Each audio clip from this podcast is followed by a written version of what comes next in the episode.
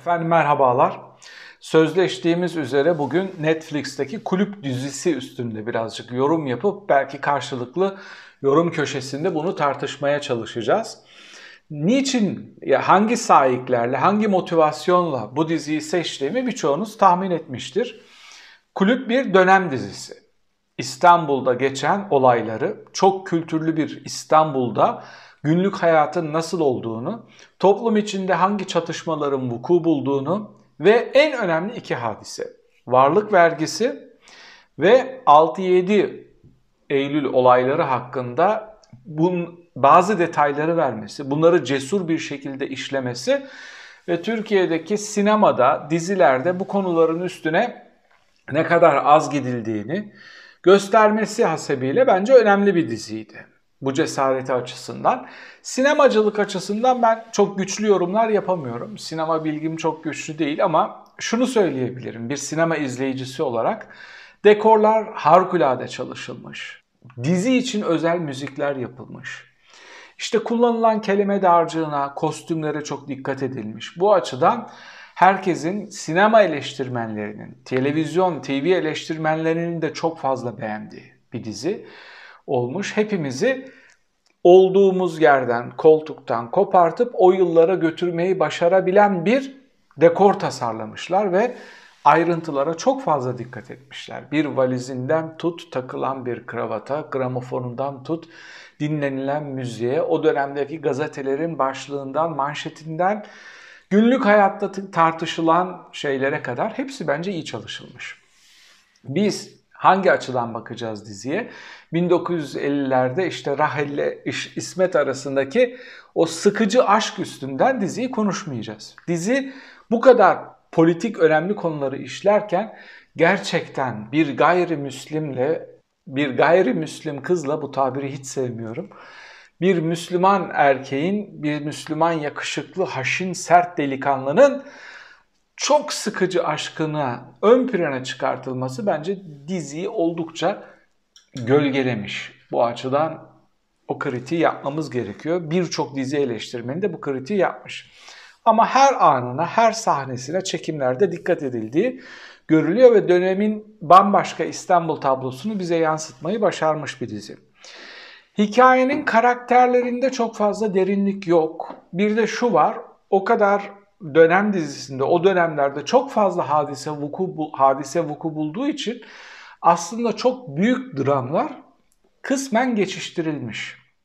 Kulüp dizisini önemli kılan hadiselerden bir tanesi onun Netflix'te yayınlanıyor oluşu. Yani Türk televizyonları, Türk sinema salonları bu tür konuları eğilebilecek, üstüne gidebilecek, bunlar hakkında dizi, film, senaryo çekebilecek yönetmen ve senaristlere açık değil. Onun için görüyorsunuz küresel eksende olsa da alternatif bir medya organının olması bazı hadiselerin çok daha cesur bir şekilde işlenmesine vesile olabiliyor.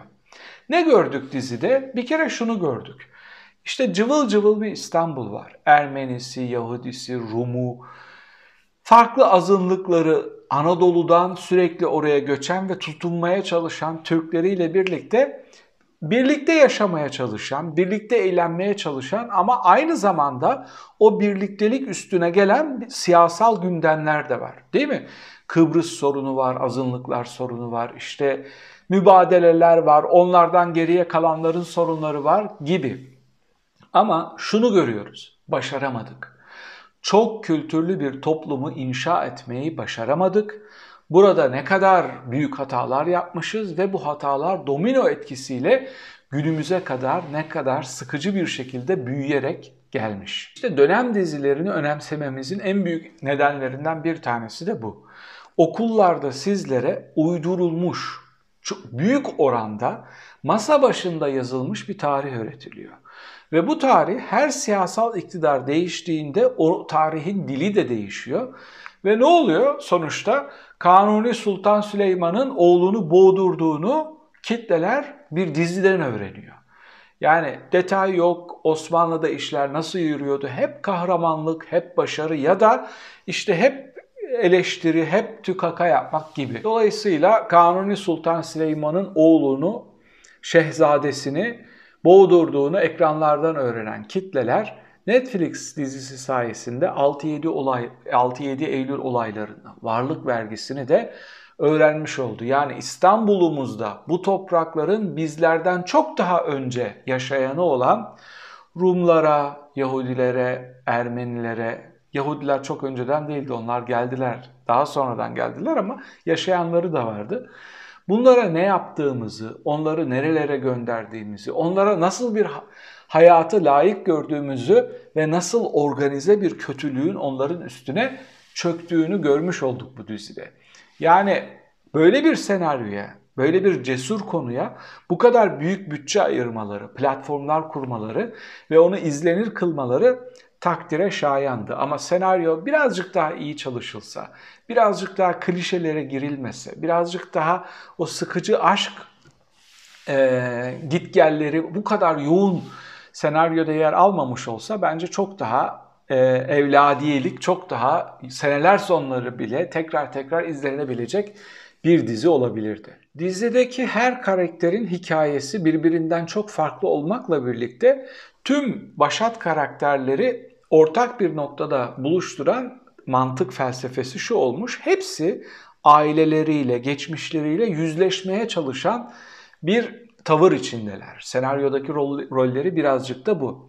Bu neyi gösteriyor? Bu aslında bizim toplum olarak geçmişimizle, devlet olarak geçmişimizle yüzleşememe, oraya ayna tutamama, oradaki gerçekleri kabullenememe, onu yapamadığımız için de başarılı, sağlıklı, geleceğe bakan, anı yaşayan, anı yakalayabilen bir hayat tarzını, bir siyasal sistemi tercih edemememize neden oluşu da işlenmiş oluyor. Yani bireysel olarak geçmişimize attığımız demirlerden, çapalardan kurtulamadığımız için toplum olarak da, devlet olarak da, sistem olarak da bir yerlere gidemiyoruz. Şimdi bu diziyi izlerken merak ettiğim şeylerden biri şu. İzleyici ne düşünüyordu? Yani ne kadar renkliymiş ya. Neler varmış şu İstanbul'da. Keşke o çok kültürlü hayatı koruyabilseydik mi diyor. Yoksa ne kadar güzel yapmışlar ya. Hepsini kovmuşlar, mallarına da çökmüşler. Harika olmuş diyerek mi izliyor? Keşke, keşke hangi oranda hala iyi ki onları kovmuşuz, def etmişiz, mallarına çökmüşüz diyen bir kitle var Türkiye'de. Yoksa ha ve ne kadarımız acaba acıyarak şu çok kültürlü hayatı koruyamadık. Bu insanları arkalarına bile bakmadan birer bavulla alarak Karaköy iskelesinden bir gemiye atlayarak bu ülkeyi, sevdiklerini, aşık oldukları İstanbul'u, yaşanmışlıklarını, hatıralarını terk edilerek gitmek zorunda bıraktık. Bakın ben New York'ta da, Suriye'de de, Almanya'da da bu toprakları terk etmek zorunda kalmış Ermeniler ve Rumlarla karşılaştım. Onlarla yolum kesişti. Onlarla yurt dışında kesiştiğiniz zaman ikiniz de İstanbul'u terk etmiş, terk etmek zorunda kalmış aktörler olarak dertleşeceğiniz hadiseleriniz oluyor.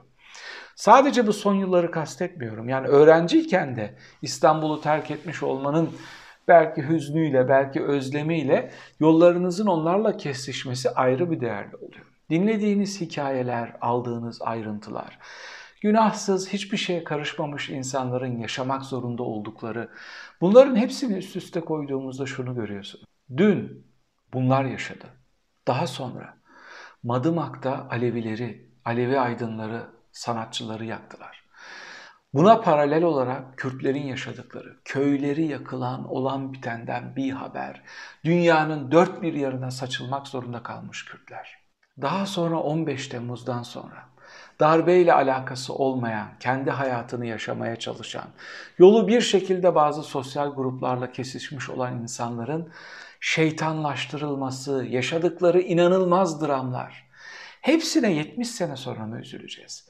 70 sene sonra hepsinin filmi yapacak, dizisi yapacak, dramları çekilecek. Ondan sonra mı tüm bunlara üzüleceğiz? Umuda Yolculuk diye bir film vardı. Yabancı Oscar dalında ya Oscar'a aday gösterilmiş ya da Oscar almıştı yanılmıyorsam. Şimdi izliyorsunuz ne büyük acılar yaşamışlar Türkiye'den çıkabilmek için. Kürtlerin varmaya çalıştığı, Batı ülkelerinde yeniden hayat kurmaya çalıştırdığı hikayeler. Dönem dönem bundan vazgeçmiyoruz. Bu tarihle yüzleşmezsek, bu tarihi derinlemesine bir şekilde çalışmazsak 70 sene sonra aynı şeyleri tartışmaya, 70 sene sonraki acılara kısmen cesaret edip üzülmeye vakit bulabiliyoruz ya da cesaret bulabiliyoruz. Ne demiştik? 200 yıldır aynı konuları tartışıyoruz. Tanzimattan bu yana git gellere bakın tartıştığımız mevzular aşağı yukarı aynı şeyler. Neden? İnsani, beşeri, hümanist, demokratik, çoğulcu, hesap verebilen, şeffaf bir sistem inşa etmezsen sadece gücü ele geçiren değişiyor, sadece zulmeden değişiyor. Değişmeyen bir şey var. Azınlıkta olan hep kaybediyor, azınlıkta olan hep eziliyor. Biz de seneler sonra belki vicdan yapıp dizilerini izliyoruz. Politik olarak olgunlaşmamış, güce dayalı bir milliyetçilikle inşa edilmiş sistemlerden mutluluk çıkmıyor. Onun için biz 1915'te Ermenilerin başına ne geldi? O çatışma ortamlarının hiçbirini görmemiş. Ermenileri nasıl aynı kefeye koyup inanılmaz bir ölüm yolculuğuna çıkarttığımızı tartışamıyoruz. Filmlerini çekemiyoruz, romanlarını yazamıyoruz. Hatta akademide bile bu konuda bir konferans düzenleyip bu konuda iki cümle kuramıyoruz. Bu konuda iki cümle kurmaya çalışanların nasıl cezalandırıldıklarını, nasıl hayatlarını ortaya koymak zorunda olduklarını görmezden geliyoruz. Tahammülsüzlük hangi boyuta geldi? Ermeniler, Rumlar, Yahudiler, Kürtler tüm bunlara paralel olarak her zaman Aleviler farklı bir mezhepten oldukları için hepsiyle bir baskı üstünden, bir şeytanlaştırma üstünden kurduğumuz ilişkiler gelip nereye dayandı? %52 oy alan bir grubun %48'de kalmış gruba zulmettiği, onlara hayatı dar ettiği, onları nefes alamaz hale getirdiği bir rejime geldik, dayandık.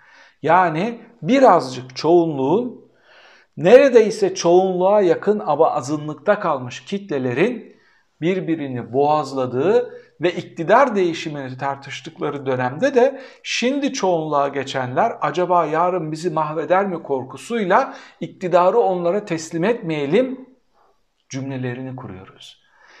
O gün 6-7 Eylül olaylarında, 1915 olaylarında, Kürtlere yapılanlarda, Alevilere yapılanlarda, darbeyle alakası olmayan komşularınızın 15 Temmuz'dan sonra yaşadığı zulümlerde seslerinizi çıkartamadığımız için bugün %51'in, 52'nin, %48'i boğazlayabildiği noktalara geldik. İşte Netflix'teki kulüp dizisini bugün bunun için tercih ettim. Daha önce bu gidişatı aslında çok daha önce görmüştüm. Üniversitede bir medeniyetler araştırma enstitüsü kurulmuştu ve böyle ortada kalmıştı.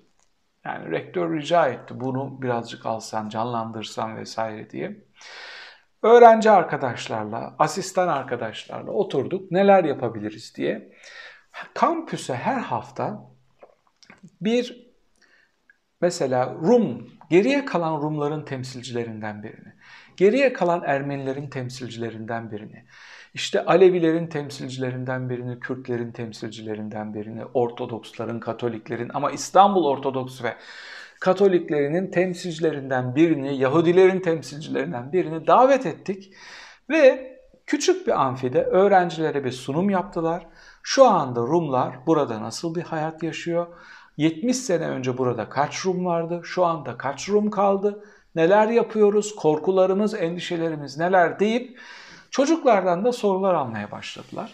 Ve böyle bir şey yaptık. Orada bir tablo gördük. Rumlar bir cümle aktaracağım sadece size. Rumları temsil eden kadıncağız dedi ki İstanbul'daki Rum vakıflarını yönetecek kadar bir vakıfta en az 7 kişi olması gerekiyor.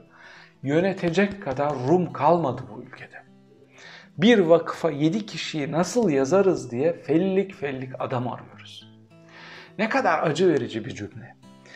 O Medeniyetler Araştırma Enstitüsü'nde yaptığımız bu seminerler üstünden İstanbul'da yaşayan azınlıkların ama kendi içimizdeki küçük grupların da yaşadıkları dramlarla öğrencileri kısmen yüzleştirmiştik.